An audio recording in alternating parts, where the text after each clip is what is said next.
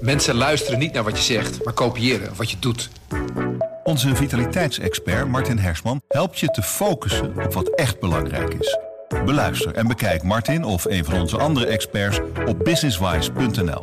Businesswise, het nieuwe platform voor iedereen met ambitie.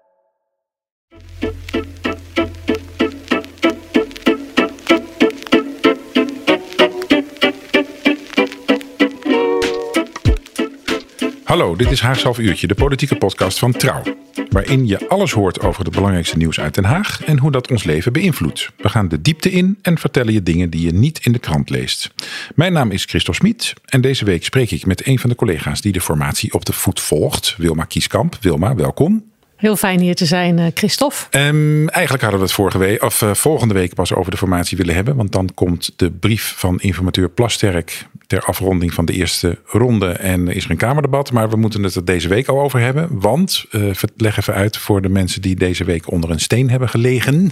Wat is vandaag, en dat is nu donderdagmiddag, de stand van zaken in die formatie? De stand van zaken is dat de eerste ronde in de formatie lang heeft geduurd. En toch... Um, onverwacht met een knal uh, voortijdig is geëindigd. Omdat Pieter Omzicht heeft gezegd: wat hem betreft zijn de gesprekken wel klaar. Hij heeft uh, zelf de stekker eruit getrokken. En dat leidde tot heel veel verwarring, omdat um, we zoiets nog nooit hebben eerder mee hebben gemaakt. En het ook onduidelijk is wat dat betekent. Want is de formatie nou geklapt? Is het nou helemaal mislukt tussen hen? Uh, wil hij definitief niet meer aan tafel? En dat beeld is heel diffuus. En daar zitten we nu naar te kijken. Ja, want in heel veel media werd een beetje de indruk gewekt. Nou, de, de, de toon was alsof het kabinet was gevallen en de formatie is geklapt. Maar we weten eigenlijk nog steeds niet waar we aan toe zijn. Hè? Nee, ik denk wel als je, als je gewoon wat stappen achteruit doet, dat je wel bepaalde uh, patronen ziet. En die hebben ook te maken met hoe deze formatie sowieso heel anders is dan de, dan de eerdere formaties. Ik heb ook die formatie van 2017 uh, meegemaakt. En um, je kan alle, alles wat je toen hebt gezien eigenlijk hier helemaal niet op toepassen. Omdat hier um, hele andere wetten van toepassing zijn. En dat heeft ermee te maken dat, um, dat we nu te maken hebben met een met een regie ligt bij een populistische partij. De PVV van Geert Wilders. PVV van Geert Wilders. Nooit meegemaakt. We hebben ermee te maken dat het politieke landschap totaal is opgeschud met hele nieuwe verhoudingen. En eigenlijk is die formatie ook een krachtmeting over wie heeft, uh, ja, wie heeft relatief, wie kan relatief zijn nieuwe plek het beste uh, benutten om zijn ideeën te verwezenlijken. Dat is wat je deze week denk ik heel erg vooral zag.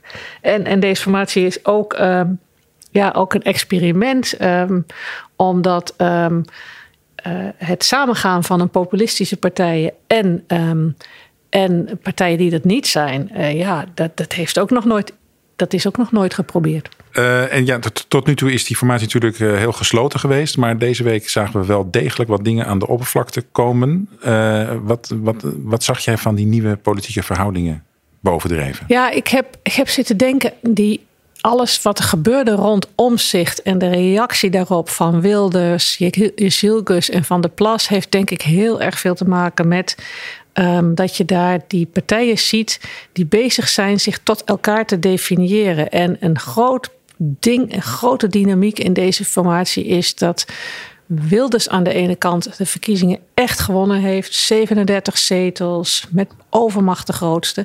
En aan de andere kant dat hij niet de machtigste politicus is op dit moment. Want wat we deze week denk ik gezien hebben... is dat Pieter Omzicht de machtigste politicus is.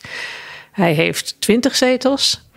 Uh, maar die zetels zijn goud waard. En dat, heeft ermee dat komt omdat als je kijkt, er is een grote wens om een rechtskabinet te vormen. Maar om een meerderheid in dat kabinet te krijgen, kunnen ze niet zonder de partij Nieuw Sociaal Contract van Omzicht. Zonder die partij heeft Wilders samen met de VVD en BBB 68 zetels. Het is in de verste verte te weinig om te kunnen gaan regeren. Hij kan nog proberen om er nog wat andere rechtse partijen aan, uh, bij te halen. SGP, Ja21, Forum, Doe eens een gooi. Dat zijn ze. 75 zijn zetels. Dus hij heeft geen alternatief. Dat hebben we hier ook al eens een keer eerder vastgesteld.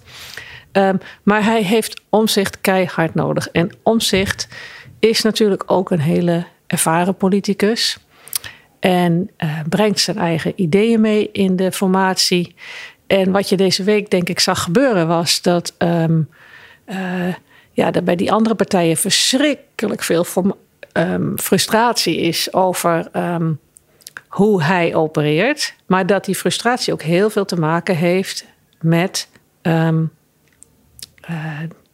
die nieuwe krachtsverhoudingen. Waarbij ja, aan de ene kant is, is hij de derde, in dat gezelschap de derde partij in grootte. Aan de andere kant, omdat ze niet zonder hem kunnen, kan hij dus echt dingen met een klap op tafel leggen. Dus, en daar zag je dan. Uh, zijn verhaal deze week was wel moeilijk, denk ik, te volgen voor iedereen. Hij, had het, oh, hij, hij is om de, om de financiën uit de, uh, uit de gesprekken gestapt. Maar hij laat aan de andere kant een deur open. Hij heeft gezegd van ik sta altijd weer open voor gesprekken in een vervolgfase. En, um, en de financiën is natuurlijk iets waarvan van tevoren dachten van bij hem gaat het om de rechtsstaat. Dus het is ook een heel diffuus beeld. Anderzijds, die financiën, als je daarop doorkijkt, gaat het om een punt wat voor omzicht dan weer heel belangrijk is. Zijn grootste verkiezingsthema is die bestuurlijke vernieuwing en een andere omgang tussen de Tweede Kamer en een kabinet. En je ziet dat hij dat in, het, in de formatie ook al probeert af te dwingen. Dat ze daar aan tafel ook anders omgaan met procedures. Dus hij was woedend toen hij uh, zag. Um, uh, dat bepaalde brieven over financiën volgens hem eerder uh, gedeeld hadden kunnen worden. Nou, dat is voor hem. Um, ja. Een soort van politieke absoluut, doodzonde. Ja, een politieke doodzonde. Ja. Een beetje, ja. ja dat is, ja. ja. in die zin was het herkenbaar, omdat hij daar al jarenlang eigenlijk een punt van maakte. Van meer openbaarheid van de regering naar de Tweede Kamer toe. Uh, maar dat is eigenlijk ongebruikelijk dat dat in de formatie gebeurt, toch? Ja, ja. Maar je ziet wel dat hij is dus, hij heeft dus politieke ruimte om dingen heel, heel, als hij ergens ontevreden over is, om dat op een hele uh, heftige manier kenbaar te maken. kan die, en en je, er zijn ook wel vragen over: is dit nou het echte motief? Of zit er nog meer achter? Is het een optelsom bij die partij van, van ook zorgen over andere onderwerpen? Dat, dat weten we nog niet helemaal. Maar wat je vooral ziet is van Omzicht is bezig met zijn ideeën heel hard naar voren te duwen. En die anderen moeten daarop reageren. En die weten nog niet goed hoe. Nee, nee. want dat is inderdaad een ander typisch fenomeen van deze uh, niet-normale formatie. Hè? Dat we eigenlijk drie partijen uh, aan tafel hebben met fracties die zeer onervaren zijn. De PVV is natuurlijk al wel lang in de Tweede Kamer, maar heeft heel veel onervaren uh, Kamerleden. NSC is nieuw, BBB is behoorlijk nieuw. Hoe merk je daar iets van? Ja, zeker. En die zitten dan. De vierde partij is de VVD en die is, is ultiem ervaren, juist in dit soort dingen. De VVD is heel erg goed in strategisch denken over hoe ze in een onderhandeling ook de procedures die er zijn zo kunnen benutten dat ze hun positie gewoon heel sterk maken. En um, ik denk dat daarom uh, ook de VVD. Um, uh, als je daarnaar kijkt hoe die reageren nu op bepaalde situaties, Um, daar zit heel veel, ja, een soort rouwproces is die partij nog bezig, denk ik. Dat, zijn, dat zij gewoon nu echt niet meer de grootste partij zijn. En dat als iets hen, hen niet zint in de formatie, dat ze dat ook niet meer zomaar af kunnen dwingen. En dat ze eigenlijk ook uh, overgeleverd zijn aan wat bijvoorbeeld Geert Wilders wil of wat Pieter Omzicht wil. Dat ze daar bijna misschien tussen vermalen dreigen te worden. Um, en die ervaren VVD staat dan tegenover die beginnende, ja, soms amateuristische uh, partijen. Nou is dat woord amateurisme is deze week heel veel gevallen. Vaak richting Pieter Omzicht. Er gaan ook allerlei, je ziet ook allerlei roddels op het Binnenhof. Um, die hebben trouwens ook een rol gespeeld in zijn opstappen, heeft hij zelf gezegd. Dan was er, uh, dan werd er weer gelekt uit de formatie over dat hij. Um, amateuristisch bezig was, dat hij terugtrekkende bewegingen maakte, dat hij alweer een emotionele bui had gehad aan tafel. Um, ja, het is allemaal powerplay die je ziet. En um, dat amateurisme wat je ziet, is, zit hem denk ik vooral in dat uh, bij Geert Wilders en bij BBB het heel moeilijk te benoemen is wat nu eigenlijk hun strategie is. Hoe ze Pieter Omzicht weer aan tafel krijgen, denken ze duidelijk niet over na. Uh, het is een soort amateurisme wat je. Uh, er wordt dan omzicht amateurisme verweten. Maar je kan net zo goed zeggen dat het amateuristisch was van Wilders. Toch de regisseur bij deze formatie. Als leider van de grootste partij. Dat hij dan meteen als omzicht zegt. Uh, mijn aandeel in deze ronde is gestopt van de gesprekken. Wat mij betreft is het klaar. Ik, dat Wilders dan meteen zegt, hij heeft het hazenpad gekozen. Dus daar zit dan meteen een soort, um, ja, bijna persoonlijk, karakterachtig verwijt in. Ja. Terwijl het is Wilders die nodig heeft dat om zich terugkomt aan tafel. Ja. Dus waarom zeg je zoiets? In de, hij, hij, hij, denkt daar dan niet over na. Ook, ook um, Caroline van der Plas had ook zoiets. Uh, die begon al tegen Omtzigt uh, verwijten te maken dat uh, Omtzigt zichzelf niet, dat hij, doordat hij um, zijn vertrek niet netjes bekend heeft gemaakt, wat ook zo is, wat ook zo is. Hij deed dat per app. En um, schoot ze uit haar slof en zei ze: Hij heeft toch juist uh, de rechtsstatelijkheid zo hoog. En ze begon hem dus om zijn oren te slaan met zijn eigen politieke zuiverheid. Je snapt het vanuit de emotie. Maar je denkt ondertussen, als je daar als verslaggever bij staat: Ja, maar Caroline, je wilt hem toch terug aan tafel. Wat is je plan? Mm -hmm. Wat ga je doen? Maar dat zien ze dan de dag later wel weer. Hè? Het is een beetje van dag tot dag strategie. Ja, ja. zo het vaak wel. En uh, wat je net zei over Wilders en zijn regierol. Uh, eigenlijk heeft niemand het erover dat hij misschien wel omzicht heeft laten wegslippen, glippen. Precies, ja. dat, is, dat is ook zo interessant aan deze week. Dat je ziet dat we met z'n allen zijn we helemaal geobsedeerd door Pieter Omzicht. En, en op, in andere weken zijn we geobsedeerd door Dylan Jezielkus. En er is ook allerlei aanleiding voor. Aan de andere kant um, leidt het soms ook de aandacht af uh, van... Um, het feit, en, en dat is ook dus dat punt in die, waarvan ik zei, zo moet, je moet het steeds onthouden als je naar die formatie kijkt. Het feit is, Wilders heeft de regie. Hij is in de formatie, de grootste partij heeft de regie.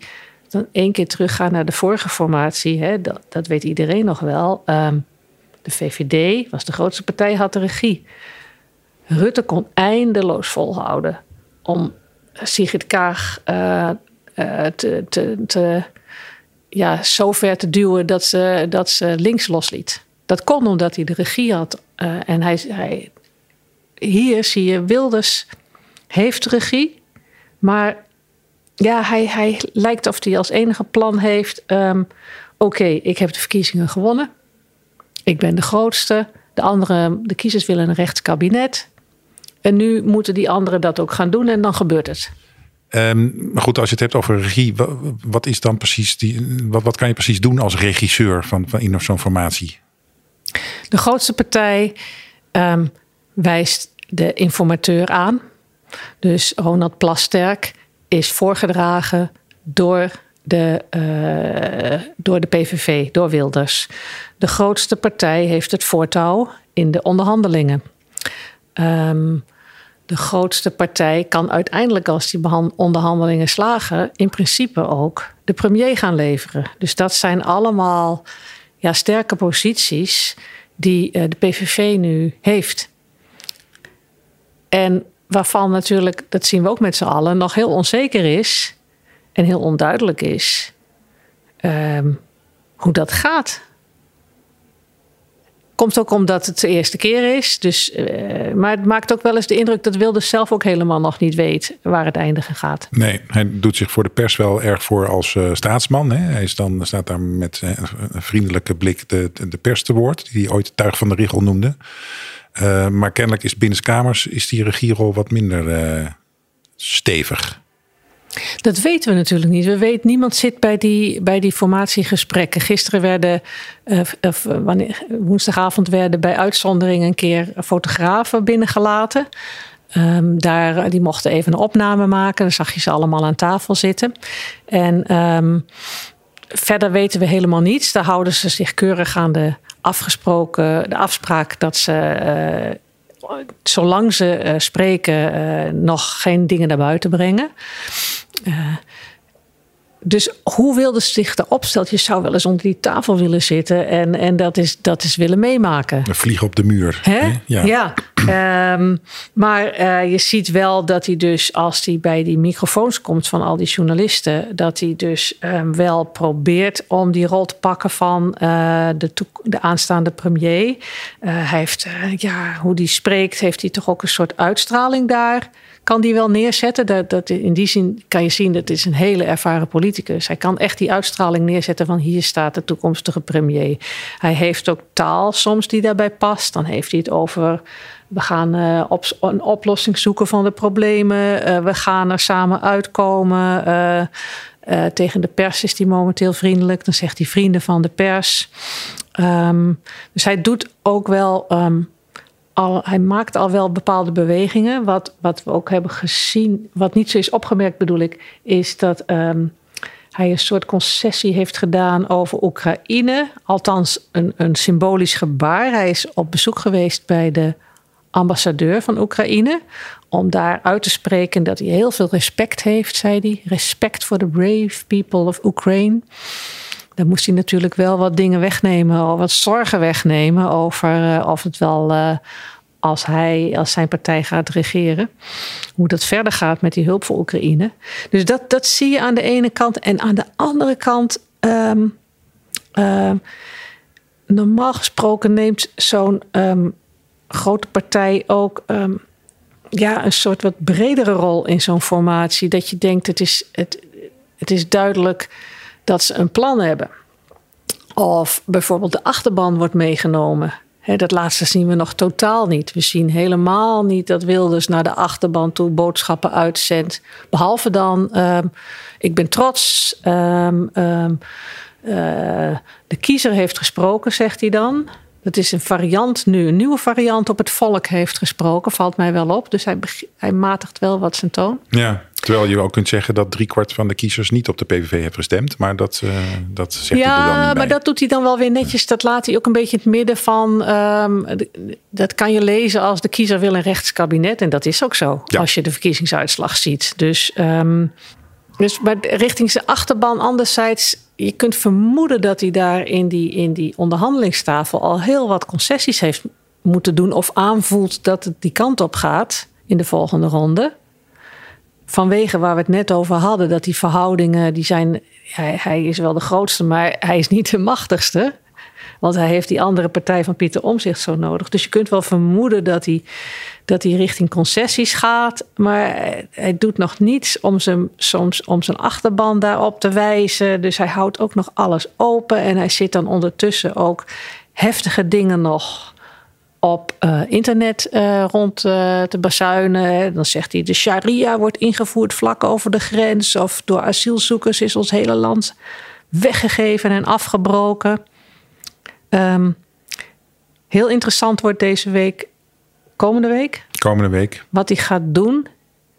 In, wat staat er straks in dat advies van de informateur over de vervolgstap? Want daarin gaan we toch voor het eerst zien van, ja, heeft Wilders een strategie? Ja, en dat komt maandag, hè? die uh, brief van Plasterk. Ja, uh, lang verwachte ja. brief. Ja. Hey, uh, zo langzamerhand dringt zich eigenlijk de vraag op... Um, is het überhaupt wel mogelijk om een kabinet te vormen? Een Nederlands compromiskabinet met zowel populistische partijen, PVV, BBB... als bestuurspartijen. Kunnen, kan dat wel? Ja, dat is natuurlijk vanaf dag één is dat de hamvraag. Um, dat is ook de reden dat... Um, Dylan Jezilgus nog steeds uh, niet heeft gezegd dat ze in het kabinet wil stappen. Al nog steeds dat er een soort, bijna een soort gevecht vanaf het begin gaande was over wie mag de gedogenrol krijgen. Um, de VVD wil die gedogenrol. Uh, nieuw sociaal contract wil die gedogenrol daar zie je de VVD al iets opschuiven. Maar Jezielkus is ook nog lang niet zo ver om, om bijvoorbeeld maandag of, of volgende week in het Kamerdebat al te zeggen: Oké, gezien de situatie uh, ben ik, stap ik wel uh, in een echt helemaal volledig in een kabinet met uh, de PVV en BBD, BBB. Ik schat tenminste in dat ze dat nog niet is. Want daar, is de, daar heeft ze in haar eigen partij heeft ze daarmee te maken met enorme verdeeldheid over dat onderwerp. Dus kunnen, kunnen kan je van deze combinatie een kabinet bouwen? Dat is eigenlijk. ehm, ja, ze zijn een, een wiel aan het uitvinden waarvan we niet weten of het, of het rond wordt of vierkant. Nee, ja. Ja, of met Ik weet niet, allerlei, misschien eh, een le- beetje of een lekker gekke band. beeldspraak, maar niemand weet het. En, en dus natuurlijk ook in Europa, dan zie je dat Wilders, die, die, die, die eh, als, je, hem volgt op, op social media, dan meet hij zich graag met andere bekende populistische internationale kopstukken. Met Meloni, met Trump, met Milei. Het succes van het populisme. Ehm, maar die anderen die hebben één voordeel. Die, hebben, die hoeven niet met niet-populistische partijen te regeren. Meloni ehm, zit, eh, ik heb het nog eens opgezocht, die zit in een coalitie met twee andere partijen. Maar dat zijn ook populistische partijen. Dus ehm, Makkelijk formeren. ja, Ja. dus hij moet nu eigenlijk voor zijn internationale fans bewijzen dat hij aan de ene kant de verkiezingen heeft gewonnen en aan de andere kant dus eh, compromissen moet sluiten, omdat nu eenmaal ehm 37 zetels, één op de vier stemmen, niet genoeg is om ja, als een autocraat te zeggen en zo gaan we het nu doen. Ja. Dus dat is, ja, dat is gewoon een, ja, in, in wezen ja, is een heel interessant ehm, experiment. Waarbij je natuurlijk ook eh, de grote vraag is van als die compromissen gaat sluiten, dan ja, er is ook altijd die discussie. Ga, eh, is, eh, ehm, als je ze mee laat doen, ehm, matigen ze dan hun houding en hun toon? Dus daar zitten we nu natuurlijk ook naar te kijken. En waar we ook naar zitten te kijken is, hè, we hebben natuurlijk al jarenlang over een gebrek aan vertrouwen in de politiek bij de burger. Dat, is, eh, dat wordt elk jaar minder. En dan bij de verkiezingen in november eh, was het de uitslag daarvan. Daar waren partijen, PVV, NSC, BBB. Dat waren allemaal partijen die zeiden, daar gaan we eens even flink de bezem door doen door de politiek. Dat vertrouwen, dat brengen wij terug. We zijn inmiddels 2,5 maand verder. Ehm, retorische vraag. Hoe gaat het met die pogingen? Moeilijk te zeggen als je de allerlei. Er worden continu wordt dat gepeld in kiezersonderzoek. En dan zie je dat, dat eh, deze week de eh, kiezers van Nieuw Sociaal Contract toch wel erg geschrokken zijn. En eh, van, dat, dat hij voortijdig de eerste ronde van de gesprekken heeft gestopt. ehm, maar ook in verwarring zijn. Ehm, die kiezers, zij hebben anderzijds, vind ik, ook best veel geduld tot nu toe. Al zou je kunnen zeggen, de hoge peilingen voor Wilders, eh, is, eh, die hij zegt trots, eh, laat hij overal weten dat hij op sommige, in sommige peilingen nu op 50 zetels zou staan als er nu verkiezingen gehouden zouden worden. Ik denk dat die peilingen ook te maken hebben met mensen niet goed begrijpen waarom dan na zoveel tijd we nog zo pril zijn in de formatie. Dus dit, dit is, het is wel, er is wel sluimerende onrust, denk ik. En toevallig als ik eh, terugrij van mijn werk, dan kom ik altijd op een fiets door een wijk waar eh, heel veel ehm, mensen PVV stemmen. En dan kijk ik zo naar, dan zie ik, zie ik ze binnen in hun woonkamer zitten s'avonds. En dan denk ik, wat zou er zijn nu? Wat zou hun verwachting nu zijn? Ook omdat vanwege wat ik zei, eh, ehm, ze worden daar niet echt op voorbereid door Wilders. Dat als, het, als het wel lukt in de regering te komen, dat het misschien een ander verhaal wordt dan ze gedacht hadden. Anderzijds heeft Wilders ook te maken met een hele grote groep nieuwe kiezers. Zijn succes hangt vooral af van ex-VVD-stemmers. Dus dat is weer een soort factor waardoor hij weer geneigd kan zijn om te zeggen: Hmm, dat is heel interessant dat ik daardoor zo groot ben geworden. En dat zijn wat meer gematigde kiezers. Dus laat ik mezelf ook eens wat, wat meer gaan matigen. Nou, dat is, dat is dat experiment wat we nu zien. En, en ehm, dus hij moet zich heel erg verhouden tot de VVD. En hij moet ehm, ook rekening houden met de macht van omzicht. En omzicht zit erin met een agenda die totaal anders is dan die van de ehm, populisten. Die populisten die zeggen van nou, de asielzoekers en ehm, fallende overheid of we gaan alles anders doen. Maar het, om, omzicht heeft, heeft die vernieuwingsagenda die vooral gaat over de, de macht en de tegenmacht in de Tweede Kamer. Dat Heel zijn ook weer? Ja, dat is heel procedureel. En het gaat ook heel erg over procedurele zuiverheid. Ehm, en niet over het volk wil bepaalde dingen. En, en Dus Nee. dat, dat, hoe, hoe dat met elkaar gecombineerd kan worden, dat blijft ehm, heel moeilijk te voorspellen of dat lukt. Ja, en een wekenlang was rechtsstaat het, eh, het eh, buzzwoord in Den Haag. Daar hoorde je nou opeens weer niks over. Want Omtzigt heeft, het, heeft als argument gebruikt dat het financieel allemaal heel wankel is in Nederland. Ehm, maar aanstaande maandag, als die brief van Plasterk komt, dan krijgen we eindelijk te horen of te lezen. eh, waar al die discussies over de rechtsstaat in die formatiegesprekken nou precies over zijn gegaan. En wat ze hebben opgeleverd. Wat, heb jij enig idee wat we daar kunnen verwachten? Daarover horen we wat verschillende berichten. Ehm, de, veel, veel bronnen zeggen dat die onderhandelingen zijn afgerond. Al in een vroeg stadium. Dus er zouden teksten liggen. Het interessante is dat je dan, eh, als je maandag die teksten dan opslaat, ook meteen ziet ehm, waar Wilders en de PVV blijkbaar eh, eh, in, toe in staat zijn om zich aan te houden. Dus ehm, ook al zou de formatie mislukken, dan zullen ze de komende jaren denk ik nog best vaak aan dit document herinnerd worden van kijk, daar staat het gewoon wat jullie toen eh, wilden afspreken. Ehm, anderzijds zijn er ook volgens sommige berichten zou het allemaal vrij dun zijn wat er bereikt is. En zouden ze misschien niet verder gekomen zijn dan een soort afspraak van we agree to disagree. Dat is ook in 2010 destijds geprobeerd, eh, gebruikt toen ehm, CDA en VVD gingen regeren met eh, Wilders in de gedogenrol. En dat we agree to disagree, dat hield in dat ze een regeerakkoord hadden. En dat ehm, eh, VVV zich zou houden aan al die afspraken. En ook geen moties van wantrouwen zou indienen ehm, tegen eigen ministers. Maar dat Wilders verder heel veel vrijheid had om op andere onderwerpen gewoon eh, onversneden zijn eigen geluid te laten horen. Dus of dat hier echt werk kan werken, ehm, lijkt mij heel onwaarschijnlijk. Dus ik, ik weet ook niet hoe, wat ik moet denken van deze berichten. Want dan zou je dus hebben dat dus de grootste partij eh, dingen kan gaan roepen die toch een beetje qua houding ehm, dan ehm, met afspraken over de rechtsstaat gaan wringen. Anderzijds zijn die afspraken over de rechtsstaat denk ik vooral ook een weerslag straks van dat nieuw sociaal contract ook een heel eigen kijk daarop heeft. Voor hen gaat dat heel sterk over macht en tegenmacht. Dat hoorden we onlangs nog in de medespeech van Sandra Palmen van Nieuw Sociaal Contract.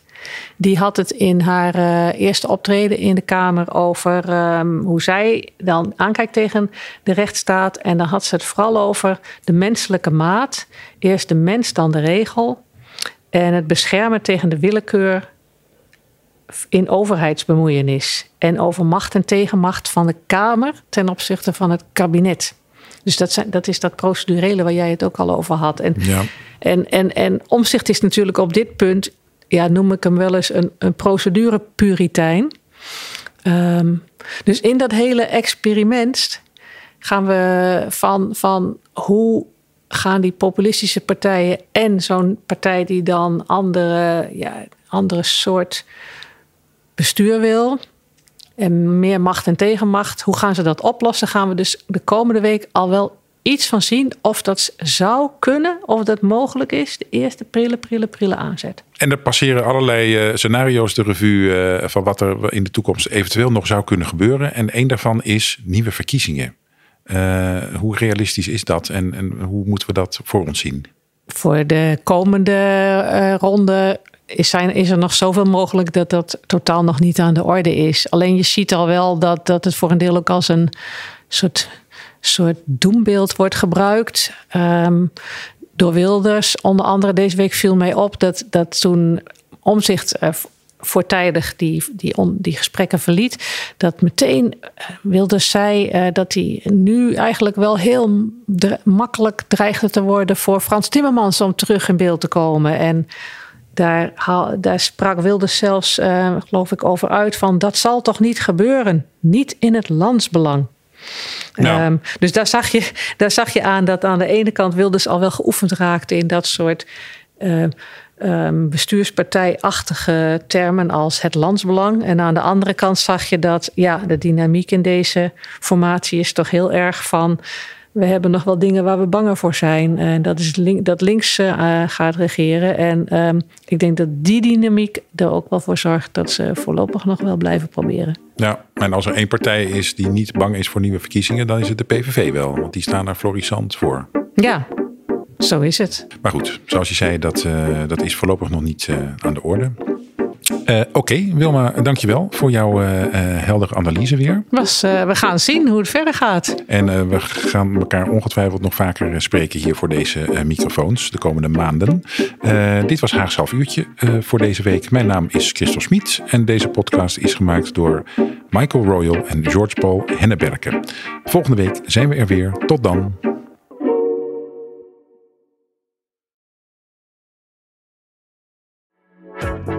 Mensen luisteren niet naar wat je zegt, maar kopiëren wat je doet. Onze vitaliteitsexpert Martin Hersman helpt je te focussen op wat echt belangrijk is. Beluister en bekijk Martin of een van onze andere experts op businesswise.nl. Businesswise, het nieuwe platform voor iedereen met ambitie.